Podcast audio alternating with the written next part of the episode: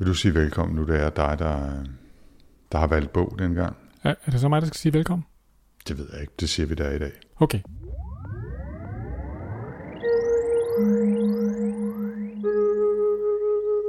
Velkommen til Sci-Fi Snak. Med science fiction. Og med snak. Med Jens Jarl Poder. Og Anders Høgh Nissen. Velkommen til. You're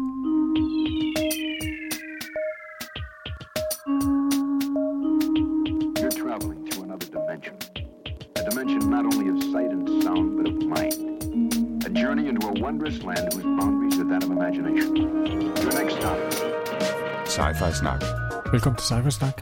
Velkommen til os. Ja, tak skal du have, Jens, og velkommen til selv. Jo, tak. Jeg må- Jeg bliver bare nødt til at sige, at det er længe siden. Og, øh, og det er det jo ikke, fordi vi ikke kan lide jer, eller fordi vi ikke øh, læser sci- sci-fi, eller fordi vi øh, ikke gider at lave sci-fi-snak mere. Det er ganske simpelthen, fordi vi er ferie- og arbejdsramte på en eller anden sær måde oven i hinanden. Jeg tænker det mest for ferie. Øh, og man må simpelthen, når, farve, når temperaturen kommer så højt op, så må man simpelthen ikke lave podcast. Det er lidt ligesom, man må ikke må køre over 88 km i timen, eller 88 miles i timen i den der DeLorean, Præcis, eller hvordan det nu er. Præcis. Ja. Øhm, ja, men vi er nået til episode 53 i hvert fald, og det er den, der handler om Yoon Har Lees Nine Fox Gambit. Men den vender vi tilbage til. Øh, vanen tro, så skal vi selvfølgelig have lidt øh, siden sidst her til at begynde med. Og øh, Jens, har du fået læst noget science fiction, eller set noget science fiction? Siden Nej, vi jeg har faktisk øh, nærmest ikke øh, læst science fiction her i min ferie. Jeg har simpelthen bare gået og læst alle mulige kedelige fagbøger. Altså, det eneste, der har en lille smule relevans, det er måske, at jeg har læst øh, ham, øh, forfatteren Christian Let, som også er musiker, og søn Mhm. af Jørgen Let. Han har skrevet en bog, der hedder Håb, som, øh, som faktisk var meget god, synes jeg. Den handler lidt om, hvordan at, øh, man jo godt, øh, hvis man bare sådan følger nyhederne, så kan man godt gå og blive i dårlig humør over, at vi alle sammen kommer til at dø af oversvømmelser og fascisme og den slags.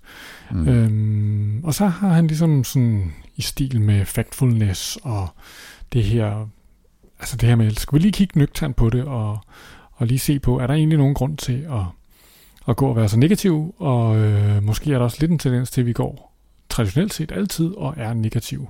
Måske har vi altid været negative hele tiden, og så bruger han ligesom det som en ramme for at snakke om, hvordan man, hvordan man øh, ja, i virkeligheden skal, skal øh, passe på ikke at sprede så meget pessimisme.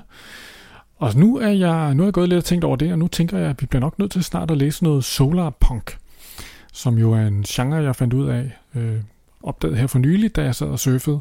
Solarpunk, som nogen måske kan gætte, er historier, som ikke handler om det der cyber, men noget om solar. Så altså science fiction historie, der handler om en bæredygtig verden. Det lyder Mhm. måske en lille smule frelst og meget sundt. Og måske ja, jeg også, synes også, måske det lyder en lille smule som nogle af de der musikgenre, man får, når lidt for mange musikjournalister har brugt lidt for meget tid på at grave deres egen navle. Altså, Ja. øh, men, men okay, altså fint. Det lyder, det lyder altså, det, man kunne sikkert godt skrive nogle historier. jeg har øh, før, jeg har før brokket mig over, at der ikke var nok øh, science fiction, som i virkeligheden havde et positivt take på fremtiden. Mm. Øh, det, det, de eneste, som, øh, som for alvor vi har læst, som, øh, som viser en utopi af en slags, det er nærmest øh, Banks' øh, culturebøger. Ja, det er det vel egentlig. Men jeg skal lige høre øh, Christian Lets håb. Det er, det, altså, det er ikke en, en fiktionsbog. Vel? Nej, nej, det er sådan en, øh, Ja. det er sådan en fagbog, det var det, jeg sagde. Okay, lig, ligesom, øh, ligesom Factfulness, som du nævnte, øh, Hans Roslings øh, bog, øh, hvor, han, hvor han ser på data og statistik og prøver at vise, at det faktisk går væsentligt bedre, end vi og især medierne måske øh, til daglig går og fortæller. Jamen, det er meget spændende det der, for det handler jo om vores syn på fremtiden, ikke? Og jeg tænker jo selv, da vi voksede op i, i 80'erne, der var vi jo overbevist om, at øh, der ville komme atomkrig, og øh, når jeg tænkte på, hvordan at øh, verden ville være i 2010, så, så var der sådan noget med, øh, i vores danskbøger, der var der sådan noget, man så billeder af folk, der gik i sådan nogle hazmat suits, og øh, havde, øh, hvad hedder det, gasmasker på og sådan noget, når de skulle udenfor. Og, og slog, slogs med rotter og kakalakker om Ja, de sidste altså det var, det var, det var, ja. det var sådan seriøst måden at tænke på, ikke? Mm. Og det viser sig, at det har vi gjort hele tiden. Altså i 70'erne, der var der seriøst forskere, der mente, at i slutningen af 70'erne, der ville store, store dele af jordens befolkning dø på grund af fødevaremangel. Og i øvrigt, at, øh, at planeten også ville blive koldere og koldere. Mm. Så altså, ja. Øh, altså nu har, har du læst uh, Factfulness, der har du så, kan jeg næsten øh, Jeg har faktisk ikke læst den endnu, den har stået på min liste, men jeg har set en masse ja. af ham der, Hans ja. Roslings uh, TED-talks og den slags, han er jo ret, ret fantastisk. Ja, han døde jo desværre øh, sidste, sidste vinter, øh, ja. men nåede lige at skrive bogen færdig. Jeg læste den faktisk her, til, her i sommerferien, og, mm. øh, og det er faktisk en, det er en virkelig, virkelig god bog. Altså, jeg, jeg kan rigtig godt lide den måde, han, øh, han skriver på. Øh, hvis man skal holde fast i en lille rest af, af dystopisk fremtidsangst, øh, så anerkender han jo også, eller erkender måske, at, øh, at netop klimaforandringer er noget af det, som stadigvæk virkelig grundlæggende kan fuck med hele kloden, selvom rigtig, rigtig mange udviklinger er inde i en positiv retning. Altså, der er flere og flere kvinder, øh, øh, piger, der kommer i skole. Øh, der er færre og færre, der bliver slået ihjel af nogle af de store sygdomme osv. Øh, de fleste mennesker bliver, selvom der er mange fattige, rigere og rigere. Men der er også bare nogle grundlæggende trusler, som det er svært at komme udenom. Ikke? Og, og, og noget af det, som jeg faktisk synes, han er, er god til at understrege, det er, at, at man bliver nødt til at lære at have den der dobbelthed i hovedet, som hedder, at ja, tingene er på mange måder øh, problematiske og udfordrende, men de er blevet bedre. Altså, øh, og at bare fordi noget er blevet bedre, betyder det ikke, at man skal øh, afvise, at der stadigvæk er udfordringer, og der er stadigvæk masser af plads til forbedringer. Det synes jeg egentlig, han er meget god til at, at fagne, at man er nødt til at have den der dobbelthed i sig, øh, når man lever, og når man, også når man er medier og journalister. Ikke? Og men det, det der pointen her med den her, det er jo, at hvis, øh, hvis ikke man har en forestilling om, at det kan blive bedre, hvis man bare bruger en dårlig fremtidsvision til at bare erklære dommedag, den er allerede, altså uret er gået, mm. dommedags øh, mm. uret står på to minutter over nu, øh, ja. så er det også en undskyldning for ikke at gøre noget ved det. Altså, Helt sikkert. Sådan kommer det bare til at være, og sådan kommer det til at være i al evighed, så nu kan vi godt begynde at bygge Fort Europa og, ja. og, øh, og grave os ned, fordi vi, vi står over for, for dommedag. Og det er jo en helt anden øh, måde at tænke på. Nå, det er jo... Apropos, øh, apropos øh, for at komme tilbage i forfattersporet, så er vores... Øh, en af vores øh, gode gamle venner, Rames Nam, ham der skrev Nexus-bøgerne, mm. som jo er noget siden vi læste dem. Han er jo altså sjov at følge på Twitter, fordi han er altså virkelig god til at vise noget om, uh, retweete sådan nogle ting omkring udviklingen med solenergi og sådan noget. Mm. Og altså, han, han tweeter jo tit sådan nogle ting, hvor man tænker, jamen for 10 år siden, der havde man regnet med, at udviklingen omkring solenergi ville være sådan her, men i virkeligheden er det gået 10 gange så hurtigt. Og det er jo sådan nogle ting, der gør, at man, hvis man ser, at de her altså fremtider, de tit udvikler sig ikke lineært, men eksponentielt, jamen det er jo også det, der kan gøre, at man kan have noget håb. Ja. Så jeg, jeg synes, det var en, øh, det var en god læseoplevelse, og men overhovedet nu, ikke nu, hvor du, nu hvor du lige siger Rames navn, så vil jeg jo bare lige nævne, at øh, han var jo en, som øh, jeg interviewede for et par år siden, og fik til at lave en lille, en lille jingle, en lille kending for Sci-Fi Snak. Skal vi ikke lige høre den? Hi, I'm Ramez Nam, author of the Nexus series. You're listening to Sci-Fi Snack. Ja, sådan lyder det, når man sætter Rames navn til at reklamere lidt det for godt Sci-Fi Snak. Ja, det var fint lige at få med. Nå, men du har jo læst, øh, du har jo læst, øh, hvad hedder det, Sci-Fi Snak. Du var jo selvfølgelig også lidt bagud med noget pensum. Ja, det må, det må man sige. Jeg havde, jeg havde nogle øh, huller i bagkataloget, og et af de allerstørste huller var, at jeg kun havde læst den første af, af Anne Leckys øh, Ancillary-bøger, hendes trilogi, og øh, der har jeg altså fået læst de sidste to. Jeg kan simpelthen ikke huske, om det er Sword og Justice, eller Justice og noget andet, men i hvert fald de sidste to i Ancillary-trilogien, som jo basalt set handler om en... Øh, ja, et kæmpestort rumkrigsskibs kunstig intelligens, der pludselig får, øh, får menneskekrop, og hvad sker der så? Øhm, og jeg synes, altså den første var, har vi jo læst her i, i Sci-Fi Snak, og var enige om, så vidt jeg husker, var et, et moderne sci-fi mesterværk, øh, en, en virkelig, virkelig god bog. Jeg synes, toeren var en anelse mere langtrukken, øh, og, og knap så... Øh, knap så medrivende hvor, men, men træeren virkelig, virkelig samlede op på det igen og, og, og løftede det. Altså det har måske været den der svære to, og det ved jeg ikke. Og så har træer været, træeren været opløbsstrækning, hvor hun øh, satte turbo på. Men jeg synes i hvert fald, som trilogi er den altså i en øh, virkelig, virkelig høj klasse. Øh, men, men jeg synes, toeren var, der, der skulle jeg lige, der var 100 eller 200 sider, hvor jeg tænkte, okay, nu, nu må der gerne begynde at ske noget her. Ikke? Mm. Øh, jeg ved ikke, hvad din, hvad din fornemmelse var. Nu er det jo et stykke tid, siden du har læst dem. Jo, men jeg kan godt huske det der dyk i, øh, i følelsen af, at der skete mærkelige vilde ting, som jeg interesserede mig for. Jeg tror, at det, der var mest interesseret sandt for mig i toren, var de der mærkelige prisker aliens, der pludselig kom ind i spil, som virkelig, virkelig var sådan en helt ny, underlig øh, vinkel i det der univers, som der så desværre det, måske ikke bliver brugt til så meget den. Ja, det er rigtigt, men det, det er jo, det, altså, det er jo først, først i træerne, vi for alvor møder en Presker, der, altså det er en, den her alien-race, øh, som de har indgået en alliance med, eller en, en våbenhvile med, og, og, og der, er, der er altså noget virkelig, noget virkelig god komik i den her øh, Presker alien, der går omkring og drikker øh, fiske, hvad hedder sådan noget, fiskesovs, som om det var te og, og den slags. Jeg ved, det, der kommer nærmest noget Douglas Adams over det på et tidspunkt, som jeg faktisk synes klæder historien rigtig godt. Øh, og, og slet ikke ødelægger, at den også er alvorlig og medrivende og følsom øh, på mange måder. Så det synes jeg, det synes jeg fungerede rigtig godt. Mm. Så har jeg også læst øh, en dansk science fiction bog af Nils Hoffmann, som øh, han har været så venlig at tilsende os, som vi havde mulighed for at læse en e-bog. Det er en bog, der hedder Dæmonens bagdør, som foregår i, øh, ja, i sådan et, øh, et fremtidssamfund, hvor man både har kunstig intelligens af forskellige grader, man har øh, augmented reality på tusind måder, og virtual reality verdener, man går ind i, og øh, ramjets, så man kan flyve fra København til, til Las Vegas på halvanden time, og den slags ting. Og der er ovenikøbet også en månebase øh, og alt muligt andet. Og øh, den... Jeg er jo super glad for, at, øh, at vi har fået den tilsendt, og jeg synes faktisk, den var underholdende at læse, men, men jeg synes desværre ikke nødvendigvis, at den var helt oppe sådan i international cyberpunk-klasse.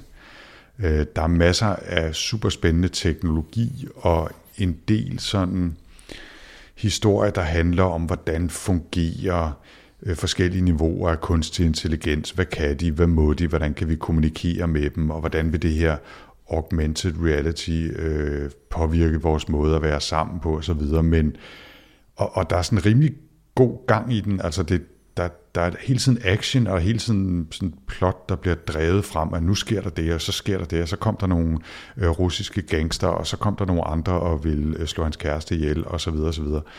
Men jeg savner simpelthen fornemmelse af, hvad det er for en verden, vi er i. Øh, og, og, og det er den ene del af det. Altså jeg savner simpelthen fornemmelse af, hvad er det for et samfund, den her historie foregår i.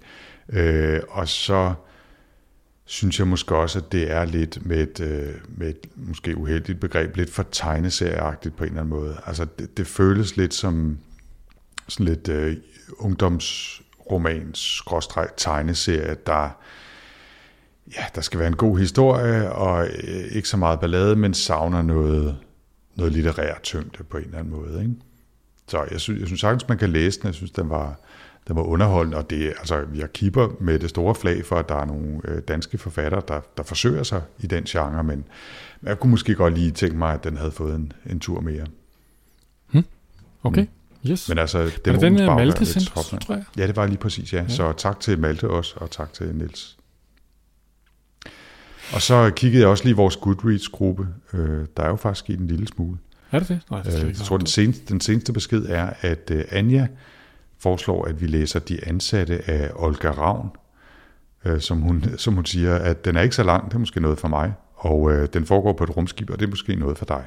Så, så øh, det, det, øh, det kunne være, at vi skulle var det, det var en dansk, hvad hedder det? Det kan jeg godt huske, vi læste om. Ja. Det var sådan en dansk og temmelig litterær sci-fi.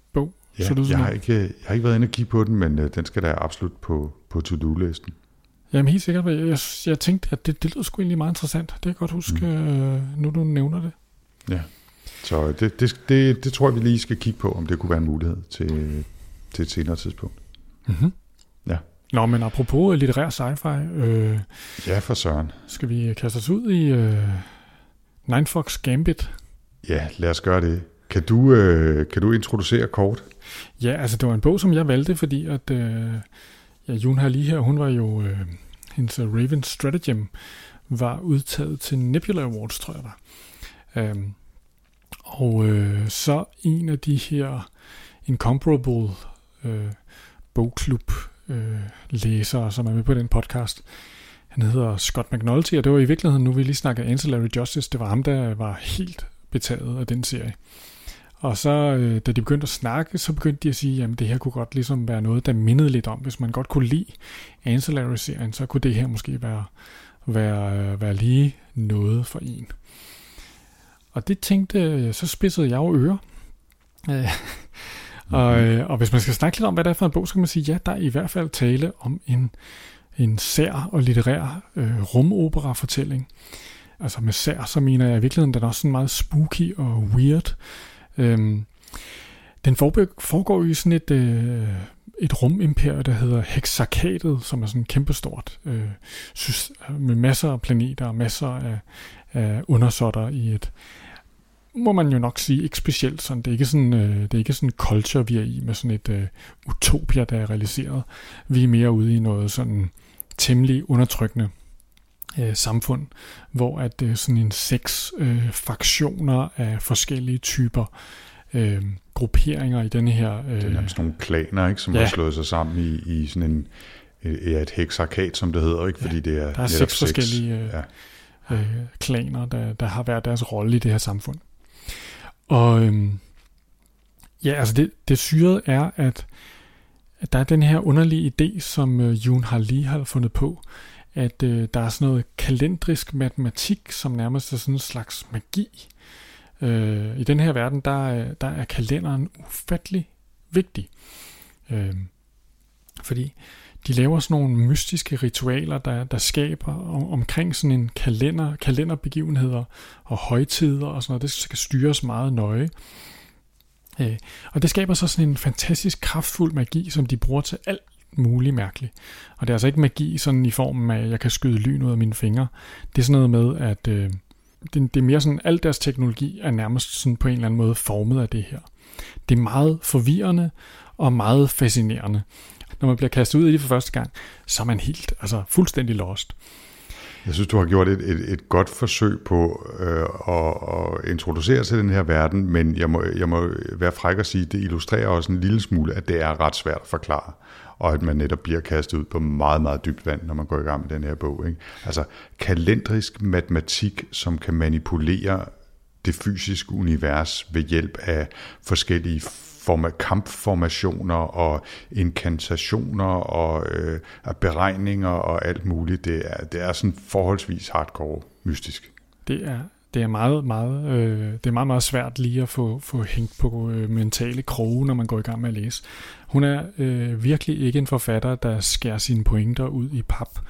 Øh, men det er også noget af det, der, der gør den sådan sært fascinerende, synes jeg, når jeg læser sådan det der med, Altså, alting bliver bare sådan nævnt som om, at det her vidste du godt i forvejen. Ja, det bliver ja. jo ikke mindre forvirrende af, at ud over den her grundlæggende øh, hvad kan man sige, beskrivelse af det univers, vi befinder os i, hvor der er den her sære kalendriske matematik, øh, som kan manipulere øh, ja, på alt fra planeter til, til mennesker til våben, så er det politiske den politiske verden her også, du beskrev heksarkatet før, er jo ikke nødvendigvis mindre forvirrende, fordi der er de her forskellige klaner eller fraktioner, som i en eller anden grad øh, arbejder sammen og har slået sig sammen, men der er også en hel masse internt fnider, og øh, der er de her forskellige klaner, øh, altså Cherries her, vores, øh, vores hovedperson, hun er Kel, og så er der nogen, der er Shurs, og så er der nogle andre øh, af de her seks klaner, men der er også en syvende, øh, som i virkeligheden er det, der sætter øh, plottet i gang for alvor, fordi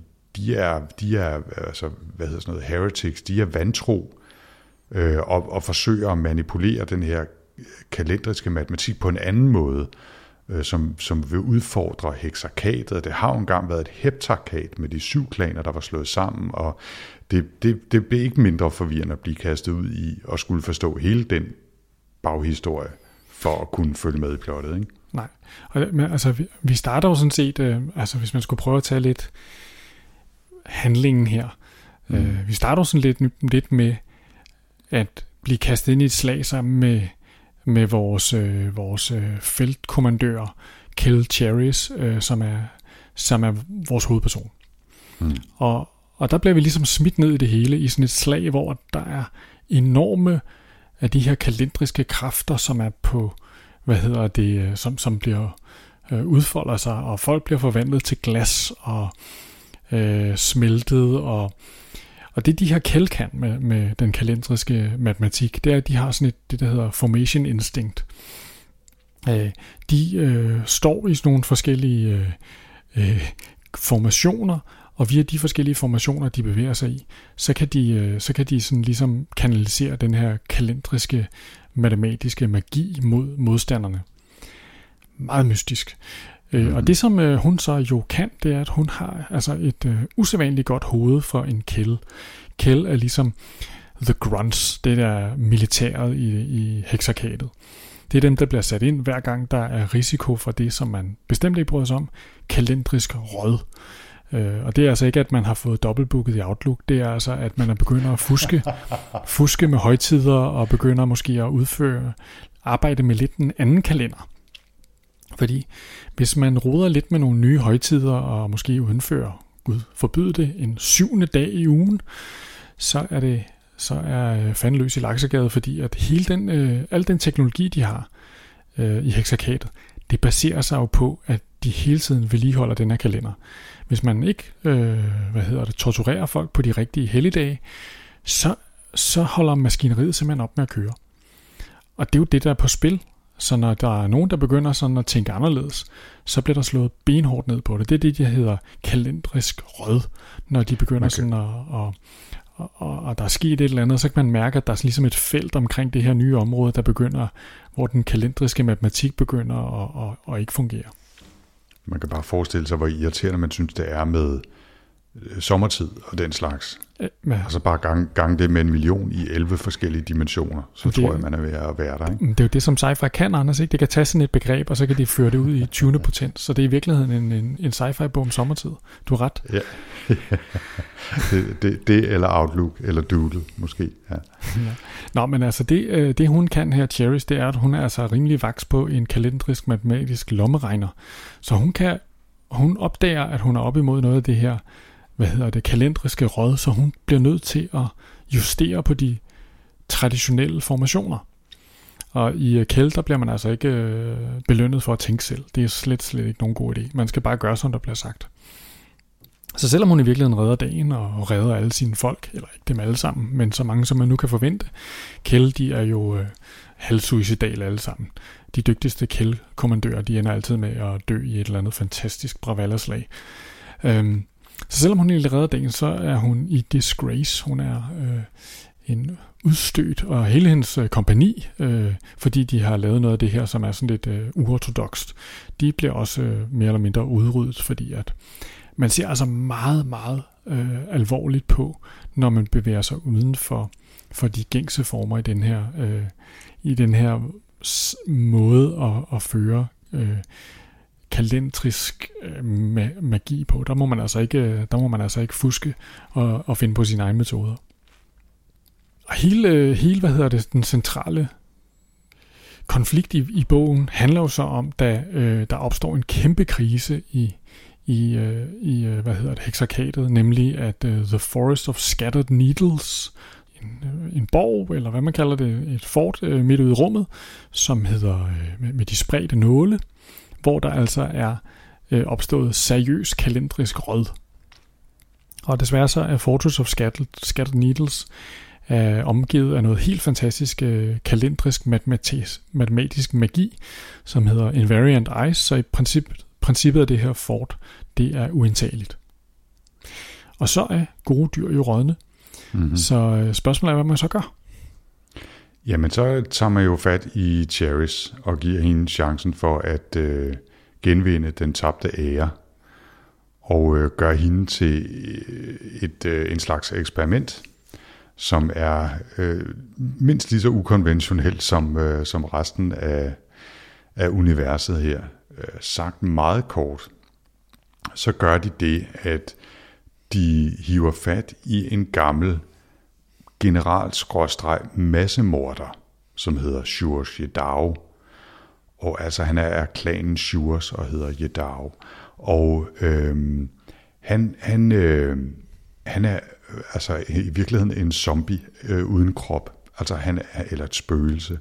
Han er, han, han bedrev sine gerninger for, for flere hundrede år siden, men altså holdt i en eller anden form for, øh, for øh, live, hvis man kan sige det. Og det man så gør, det er, at man, og det, det er meget mærkeligt og også en lille smule svært at forklare, men altså, han bliver på en eller anden måde øh, lagt ind i Charis' øh, skygge, ind i hendes hoved, sådan at de kan kommunikere sammen, eller øh, ja, altså inde i hendes sind, inde i hendes øh, hjerne. Og ideen er, eller håbet er, at øh, Jedaus kæmpestore taktiske talent og hans evner som, som general, og også hans fuldstændig sindssyge øh, massemorder øh, egenskaber, kombineret med Cherish, kan være det våben, der kan gøre, at de kan bryde igennem forsvarsværket i Fortress of Shattered Needles. Ja, det er forholdsvis mærkeligt. Det er det altså. Øh, meget men, mystisk. Men, men også men det, men, en øh, basis ja. for en ret interessant historie, ikke? fordi at øh, nu har vi sådan en hovedperson, som render rundt og har øh, samtaler med stemmer i sit eget hoved, øh, ja. og hele tiden skal udfordres på, hvordan gør man tingene. Så det hele den der indre monolog, de har kørende omkring, hvad der er den rigtige måde at, øh, at adressere det her. Og man kan sige, øh, hvad hedder det, Schulz Schedau, øh, denne her øh, tidligere Øh, altså Shures er den fraktion, som er sådan nogle spioner og lumske, hvad hedder det, øh, øh, de er sådan nogle lum, lumske rænkesmede. Det er i virkeligheden dem, man kalder for The Nine Foxes. Den hedder The Nine Fox Gambit, den her. Øh, dem skal man ikke rigtig stole på. Og, øh, og Kjell, de plejer jo sådan set at arbejde meget tæt sammen med dem i krig. Øh, men de stoler ikke rigtig på dem. Øh, og øh, denne her Shures, øh, Shul Shedau, han er altså jo notorisk berygtet, fordi han engang under et, øh, et øh, slag om noget, der hed øh, Hellspin Fortress, simpelthen slog alle sine egne folk ihjel. Og så blev han så henrettet, og så har de så haft ham liggende på den her, øh, det her bånd, hvor de ligesom kan uploade ham til andre. Og det har de så mm. gjort en masse gange, jo. Så ja, det er, det er ikke første gang, han bliver brugt på den måde. Men... Nej. Han er, han er fantastisk uh, taktisk begavet, begævelse, men han er ikke særlig god til matematik. Så hele pointen er, at øh, alt det der kalendriske magi, som der er behov for kompetence i, det kan Cherish, og han har al den her begævelse, men han har jo ikke en krop selv. Øh, så så øh, der er også nogle meget fine øh, scener, hvor der ligesom er sådan, ligesom, jeg, altså, er det Cherries eller ham, der styrer, og hvis hun bare vil give sig lidt mere over til ham, jamen, så kunne han hjælpe hende rigtig meget. Og sådan noget. Det er sådan meget øh, mm. øh, interessant øh, lille togtrækkeri, de har. Ja, og så bliver de jo så øh, sendt afsted i spidsen for en, øh, for en større styrke på ja, de, de her øh, kamprumskibe, de hedder Moths, altså ja, det er meget møl, også. og har forskellige sådan, øh, klasser af, ja. af mølrumskibe, alt, alt afhængig af, om det er troppetransporter, eller nogle med kæmpe store skyder foran, og, og så videre. Ikke? Øh, skyder, kanoner, mener jeg selvfølgelig. Øh, og, og så skal de afsted og se, om de kan lave en strategi for at nedkæmpe øh, de kætterske styrker øh, hos de her Lioche-klan. Ja, folk, det. Og, øh, og så øh, indtage fortet. Ikke? Og, og, og, og man kan sige, det er jo ligesom den, den overordnede mission, men meget af fokus, i hvert fald i den midterste del af bogen, ligger jo på forholdet mellem Cherish og, og Shedao. Øh, øh, som jo deler Cherish's krop på, på den her lidt, øh, lidt mystiske façon. Og man, der er jo sådan hele den der, at man er jo hele tiden i tvivl om os, hvor han ligesom er henne. Altså jeg er slet ikke sikker, jeg, jeg, jeg, mens jeg læser den, der er aldrig noget tidspunkt, hvor jeg er helt sikker på, at det, som han gør, ikke er en form for manipulation af Cherries. Nej, helt, helt sikkert. Altså, helt sikkert. Man er hele vejen, hele vejen til hele tiden den mistanke. Ja, helt sikkert. Så, så det er sådan meget, øh, altså man er hele tiden i tvivl om, hvor meget han bare udnytter hende, og hvor meget han hjælper hende. Altså det, det, det, det er helt uigennemskueligt i bogen. Ikke? Det, er svært, og det er svært at drage nogle konklusioner af, om, om de ting, der sker i bogen, om det så ligesom er, at det bare sådan endte det så, eller var det sådan, han havde tænkt sig, det skulle ende hele vejen igennem. Ja, og hvor, hvor stor en rolle har Cherries øh, spillet i det?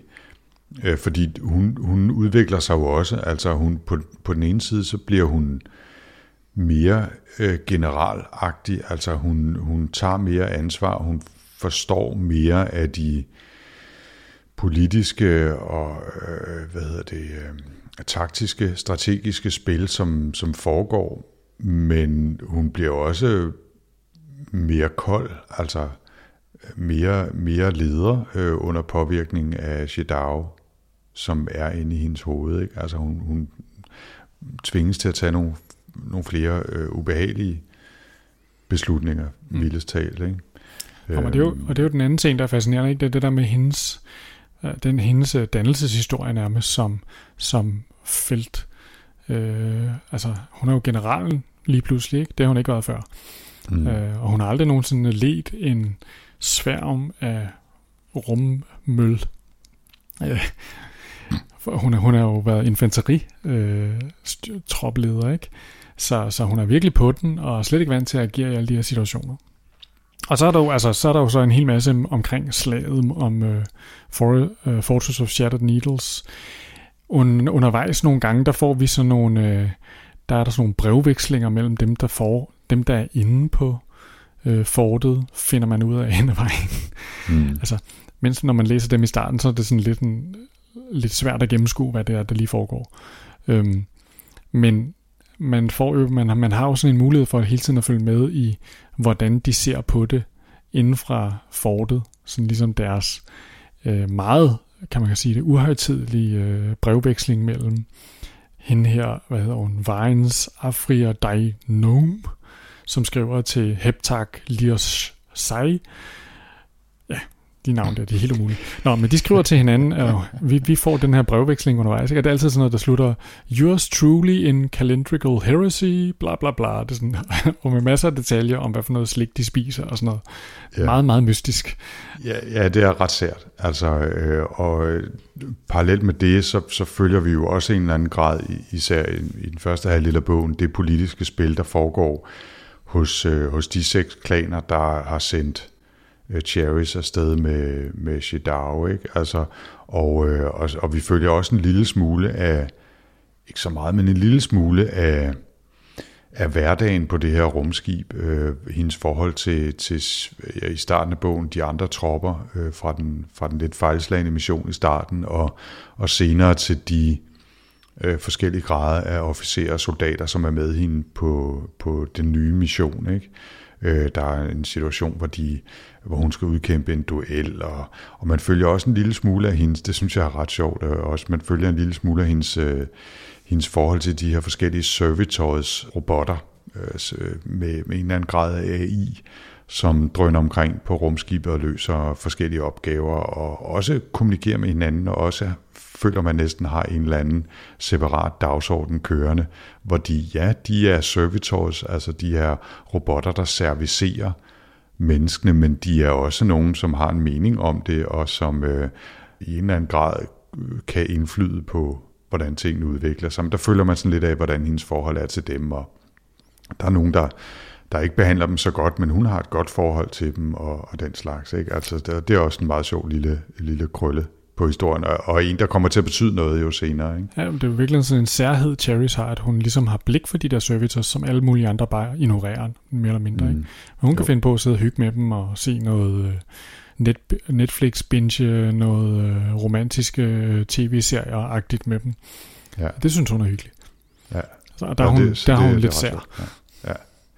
Men, men altså, øh, og derudover så er der jo, nu har vi jo nævnt de her Moth-rumskibe øh, af forskellige slags, øh, så er der også nogle, ja du nævnte, hvad hedder det, Invariant Ice, som er det der forsvarsværk, der ligger på Fortress of Shattered Needles, og så er der nogle forskellige typer af våben, som er mere eller mindre sære, ikke? og der er jo også nogle scener, der beskriver nogle af de her våben, der bliver bragt i anvendelse, som bare altså spreder altså død og lemlæstelse og ødelæggelse i fuldstændig øh, hæmningsløs øh, skala. Mm. Altså, det er 100.000 af mennesker, der bliver slået ihjel på de mest bestialsk mystiske måder øh, rundt omkring, ikke? Altså, og øh, også deres egne folk, altså, øh, der er en scene i starten af bogen, øh, netop hvor de er ude på et slag, og, og de, er egentlig, de er egentlig kommet derhen, hvor de faktisk er ved at indtage det, det punkt, de, de skulle, og så bliver de kaldt det tilbage, og så er der en af hendes folk, som, som sådan lidt hø, hø øh, øh, siger en eller anden joke og træder lidt ud af geleder, og så bliver han skudt, og så lidt, nå ja, men han var, det, det er jo så sådan. Altså, øh, de, de, de er soldater, og de bliver slået ihjel i store mængder, og det kan godt være, at man, man, øh, man ikke er glad for det, men det er bare en del af livet. Det er sådan verden de der kælde, de der kælde, de er virkelig sådan kanonføde, ikke? Altså, Ja, det de, er og det er de nærmest stolte af, ikke? Altså, det er sådan lidt Starship Troopers over dem, når de bare bliver kastet tænker ind i kampen mod på, sådan ja. en uh, Ja. amputation gun der. Ja. Ja. Bare, ja. Dem havde jeg også i hovedet. Ja.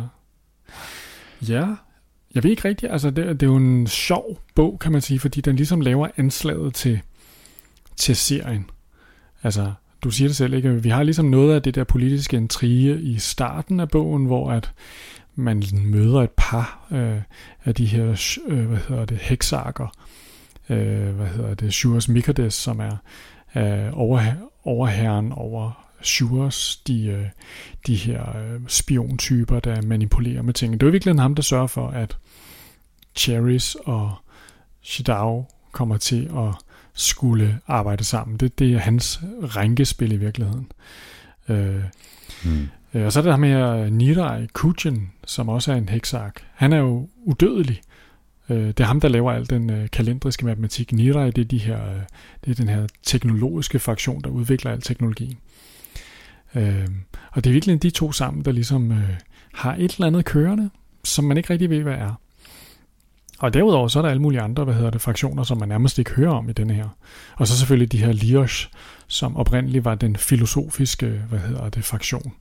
Og det, det er jo lidt det, når man sidder her og læser bogen, bogen undervejs, så finder man måske ud af, de der Liosh der, de, de er måske de gode.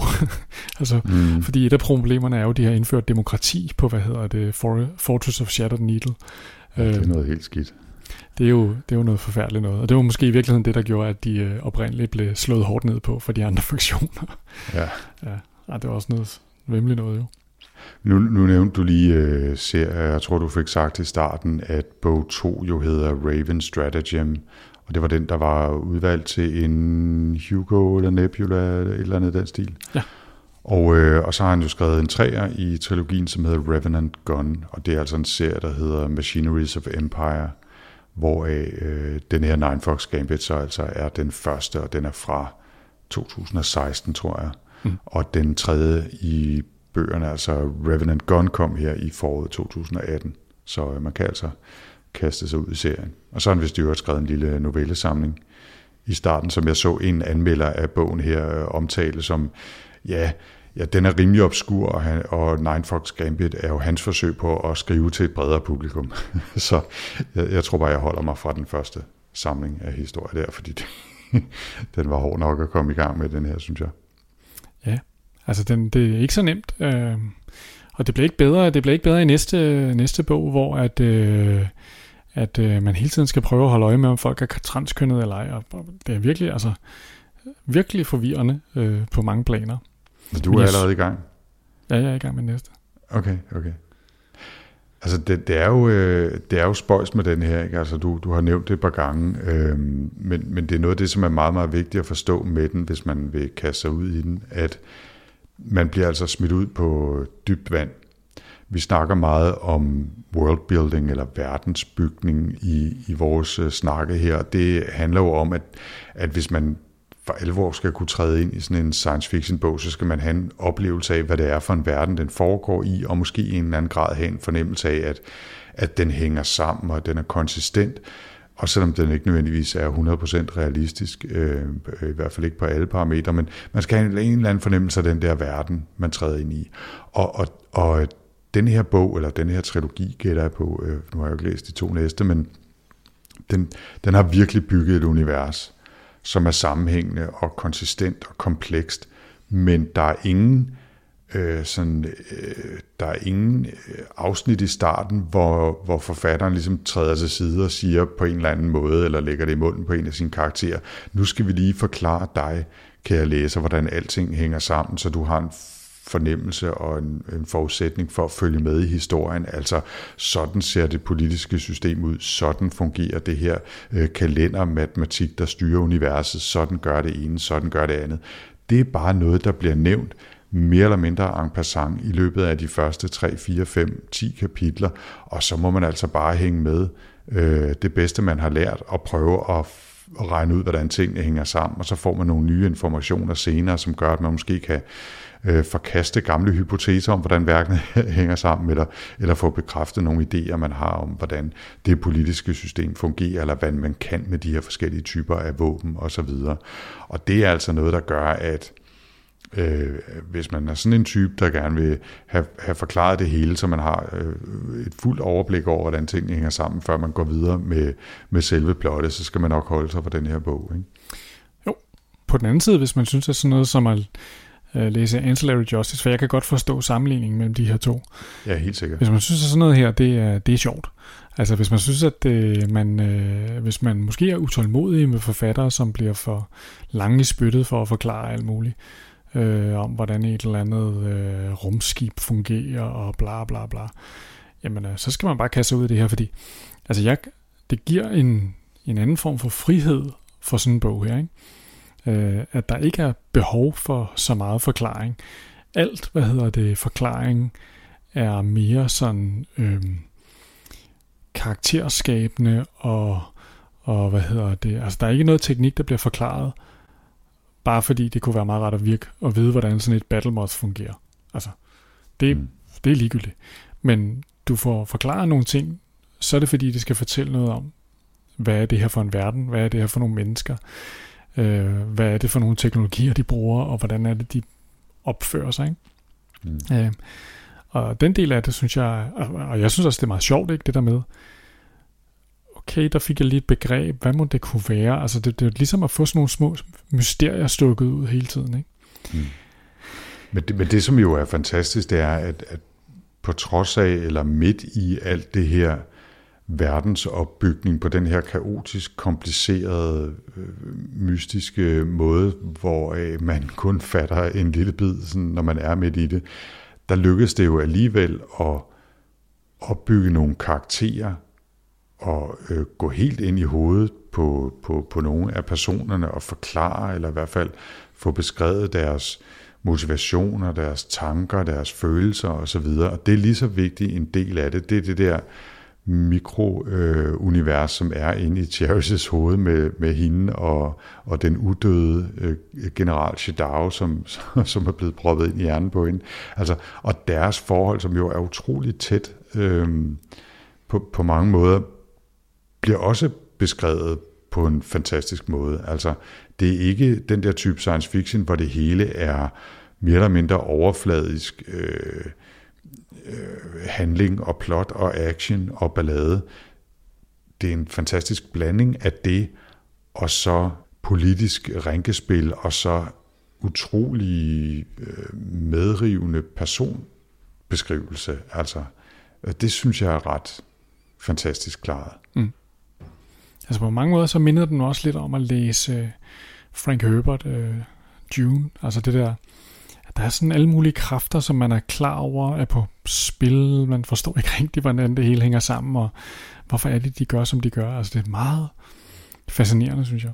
Og så er der noget af det, som bare er rigtig øh, ja, unikt, der er sådan et lidt mærkeligt udtryk at bruge, ikke? men som sært og anderledes i hvert fald for, i forhold til meget af det science fiction. Jeg har læst lidt på samme måde som som uh, Three Body Problem, altså den her kinesiske science fiction bog, vi også har læst på et tidspunkt, uh, også var anderledes på en eller anden helt grundlæggende façon, som var lidt svært at sætte fingeren på, men det hele var bare ikke som man var vant til at læse science fiction, og, så, og det synes jeg altså også, der er her. Det, det er en anderledes bog, ikke? Jeg tænkte også på, nu så lavede sammenligninger, på et tidspunkt læste jeg uh, China Mirvilles uh, Palito Street Station, mm. som også er sådan en, men det er fordi, det har det, har det der weird element.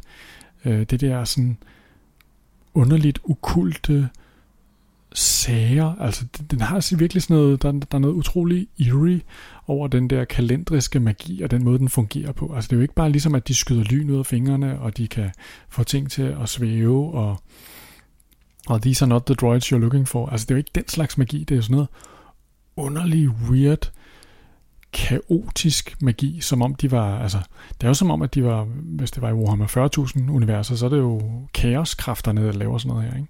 Mm. Ja, ja. Har du nogensinde læst den? Nej, den har jeg ikke læst. Jeg godt huske, du har nævnt den. Men, øh, Fantastisk. Ja. Fantastisk og fantastisk mærkelig også. Det var nok det, der også lige var, der gjorde sammenligning. Ikke? Der sidder man også bare og læser. Okay, han har sex med en pige, som har et billehoved. Nej, det er ikke et billehoved. Det er en hel bille, hun har som hoved. Okay. Yes, yes. Nå, det skal jeg lige, øh, det skal jeg lige, øh, det skal jeg lige finde ud af, hvad jeg gør med senere. Øh, Vi arkiverer det lige til senere brug. mm. Altså, virkelig mærkeligt. ja. skal, vi, øh, skal vi prøve at rate den? Det synes jeg da. Skal jeg starte? Ja, jeg gør det. Jamen, altså, jeg er jo lidt, øh, måske allerede lidt øh, afsløret, at øh, vi er over i en boldgade af science fiction bøger, som jeg godt kan lide. Der er Mm. ikke nogen, der har øh, brugt, øh, hvad hedder det, øh, 400 sider på at forklare et eller andet teknologi, som jeg alligevel ikke interesserer mig for. Så, øh, så der, der, bliver, øh, der, bliver, der bliver malet med den, den hvad, ekspressive pensel, øh, og, og det kan jeg virkelig godt lide. Jeg synes, øh, hvad hedder det, Jun Harlis øh, fantasi kører på fulde gardiner. Altså der bliver bare kastet omkring sig med begreber og idéer og tanker. Og det bliver bare ved nummer to, der bliver der også bare hele tiden smidt nye ting ind. Og det synes jeg er fedt. Sådan noget kan jeg godt lide. Mm. Øh, og jeg er fuldstændig med på, at det her det er en lidt opak bog at læse, for at sige det mildt. Måske heller ikke der, hvor jeg tænker, at det her vi er helt op at spille på mesterværksscenen. Men jeg kunne rigtig, rigtig godt lide den, og jeg synes, det var øh, faktisk en rigtig... Altså, selve historien, kan man sige, er jo en interessant dannelseshistorie øh, om en, en ung apprentice og en gammel mester og deres øh, indbyrdes relation, og man, den ender så bare helt anderledes, end sådan nogle bøger normalt ender. Så jeg har givet den fire stjerner. Jeg har også givet den fire. Jeg tror måske, at jeg fik en lille smule overdosis af den type science fiction, fordi jeg også lige var i gang med at læse to øh, ancillary bøger der i, i sommermånederne. Men jeg, jeg, og så havde jeg den der sære, sære oplevelse af, at jeg halvdelen af tiden kun følte, at jeg måske havde 30% fornemmelse af, hvad fanden der egentlig foregik. Øh, men men, men det, det fantastiske ved den her bog er, at det er okay.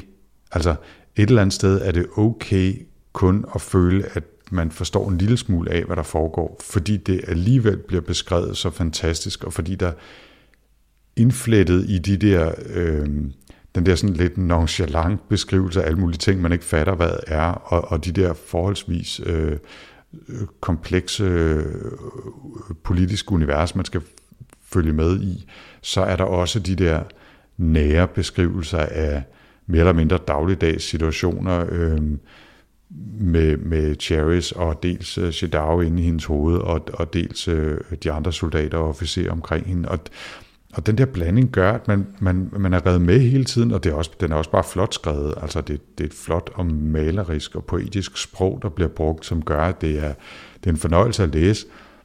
Men, men den kræver altså enten, jeg ved, jeg ved simpelthen ikke, om man bliver klogere og får en bedre oplevelse af at sætte sin læsehastighed ned, hastighed ned med 50%, og så virkelig prøve at forstå det hele. Fordi det, der, der kom jeg aldrig til. Altså, jeg læste i den hastighed, jeg plejer, og var der nogle ting, som jeg ikke rigtig forstod, så tænkte jeg, enten så er det ikke nødvendigt at forstå det, eller også så bliver det forklaret senere. Og det var ikke altid, det gjorde det, og det var ikke altid, jeg forstod det senere, men det var stadigvæk en god oplevelse.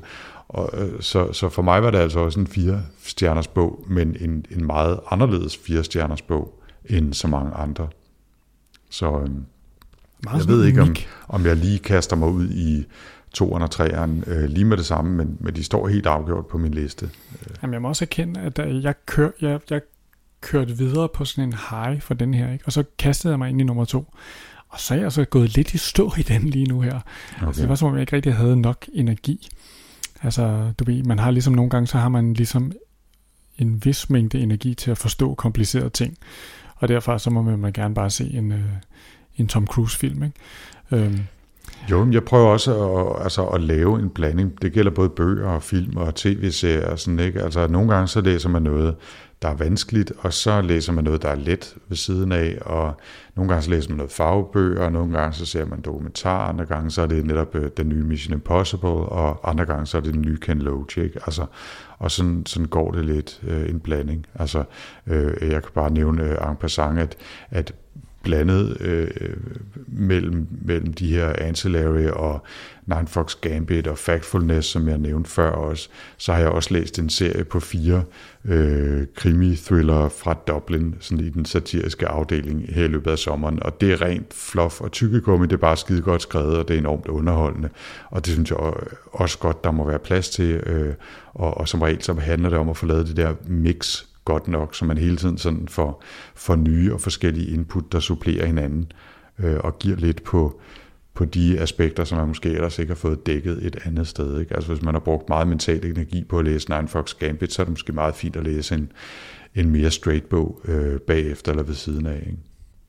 Fik du jo nogensinde taget den, øh, hvad hedder det, øh, online test, man kunne tage, hvor man kunne finde ud af, hvad for en øh, heksarkat fraktion man tilhørte? Øh, nej, det gjorde jeg ikke. Nej, er det det noget, vi skal linke til? Ja, det må vi hellere gøre. Ja. Jeg kan ikke sige, at jeg, øh, det viser, at jeg tilhører fraktionen fra øh, de kætterske lioscher.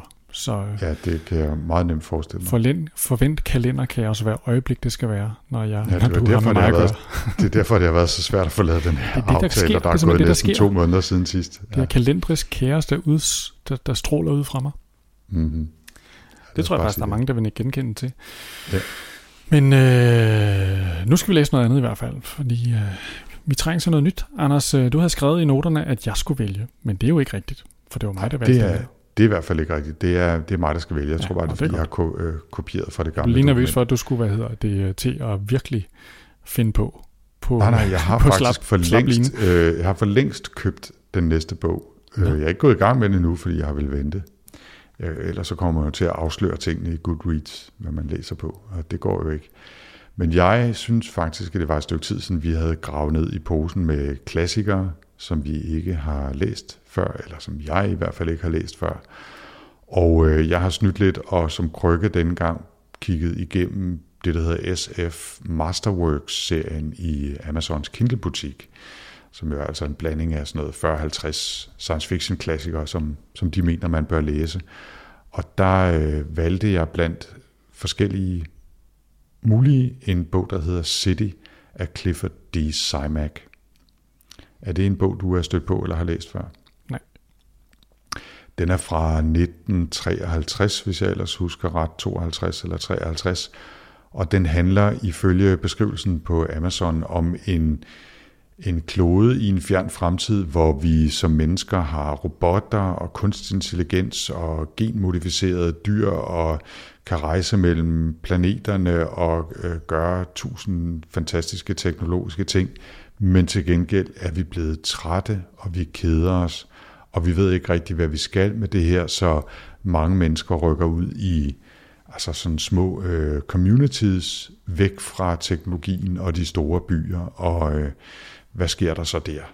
Og øh, det er det, som, øh, som City handler om, og den er altså over 50 år gammel. Jeg tænkte, det kunne måske være meget sjovt, efter vi har været igennem en hel masse moderne her på det seneste. Fedt. Og det lyder da spændende. Ja, det er, det er jeg også ret spændt på, og den får, øh, den får til synligheden ret gode ratings. Det er jo altid svært med sådan nogle klassikere, fordi de er som regel altid lidt specielle, når de er så gamle. Øh, så det er jo ikke nødvendigvis sådan, hvad vi vil måske opfatte som, som god litteratur i, i nutidig forstand, men derfor kan det jo være interessant eller fantastisk alligevel. Nå, spændende. Det vil jeg glæde mig til. Yes. Ja, det gør jeg også. Og øh, så ved jeg egentlig ikke, om vi er nået enden, tror jeg, i denne omgang sci snak Det var episode 53. Jens, hvor kan folk læse mere eller lytte mere, hvis de er blevet nysgerrige? Jamen altså, man er altid velkommen til at kigge forbi sci-fi-snak.dk, hvor man kan se alle vores tidligere episoder. Øhm, og ellers så øh, hænger vi jo af og til ud på sci-fi snak-gruppen på Goodreads, hvor at vi også øh, efterhånden har en masse gode venner, som vi holder øje med, hvad de læser, øh, og får gode idéer fra. Der er det også øh, rigtig hyggeligt at hænge ud. Ja. Og, øh, Så det synes vi, I skulle gøre. ja, og jeg synes også efterhånden har vi masser af snak i gang på, hvad hedder det, øh, på Twitter med folk. Det er også rigtig, rigtig hyggeligt. Hmm. Jeg kan findes på snabelag Jens Poder, så det er lige ud af landvejen. Anders, er, dit er knap så, så meget ud af landvejen. Ja, man skal bare knibe øjnene sammen, og så kan man godt se, at der står Anders. Det er bare stadig 4ND3RS, som i de gode gamle Prince og eller Hackerdage. Det er, det er så retro. Øhm, så vi håber, vi ses derude, og så håber vi også, at der måske går knap så lang tid, inden vi vender tilbage og fortæller om uh, City næste gang. Prøv at høre, sommeren er forbi. Nu er det månedlige sci-fi snak, sådan er det bare. Det er det. Kan du have det rigtig, rigtig godt, Jens, til vi Yes. tales ved igen? Vi ses, er det godt du. Hej! Hej.